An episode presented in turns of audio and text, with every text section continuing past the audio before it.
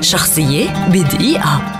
آرثر ميلر كاتب وروائي ومسرحي أمريكي وأحد رموز الأدب والسينما الأمريكية لمدة 61 عاما ويعتبر من عمالقة المسرح الأمريكي المعاصر ومن كبار المدافعين عن الحرية الفكرية والمنادين بفكرة مسرح في متناول الجمهور.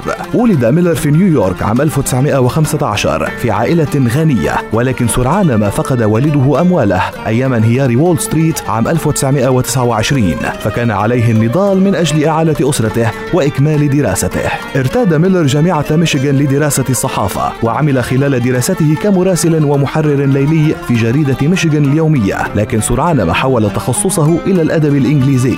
بدأ كتابة مسرحياته عندما كان طالبا في الجامعة وبدأ إنتاج مسرحياته منذ أربعينيات القرن الماضي. وكانت المسرحية الأكثر نجاحا في حياته هي موت بائع متجول والتي منحته جائزة توني وجائزة بوليتزر. وتعتبر هذه المسرحية نموذجا كلاسيكيا لمسرح مسرح القرن العشرين وقد ترجمت إلى أكثر من عشرين لغة بعد شهور من ظهورها ولا زالت تدرس وتعرض حول العالم إلى يومنا هذا. تميزت كتابات ميلر المسرحية بطروحات حادة في تناولها لإشكاليات الإنسان المعاصر ومن أهم أعماله المحنة منظر من الجسر. وكلهم أبنائي والتي حصلت عام 1947 على جائزة توني لأفضل مسرحية. توفي ميلر عام 2005 بعد معاناة طويلة مع السرطان تاركا أثرا أدبيا ومسرحيا عظيما.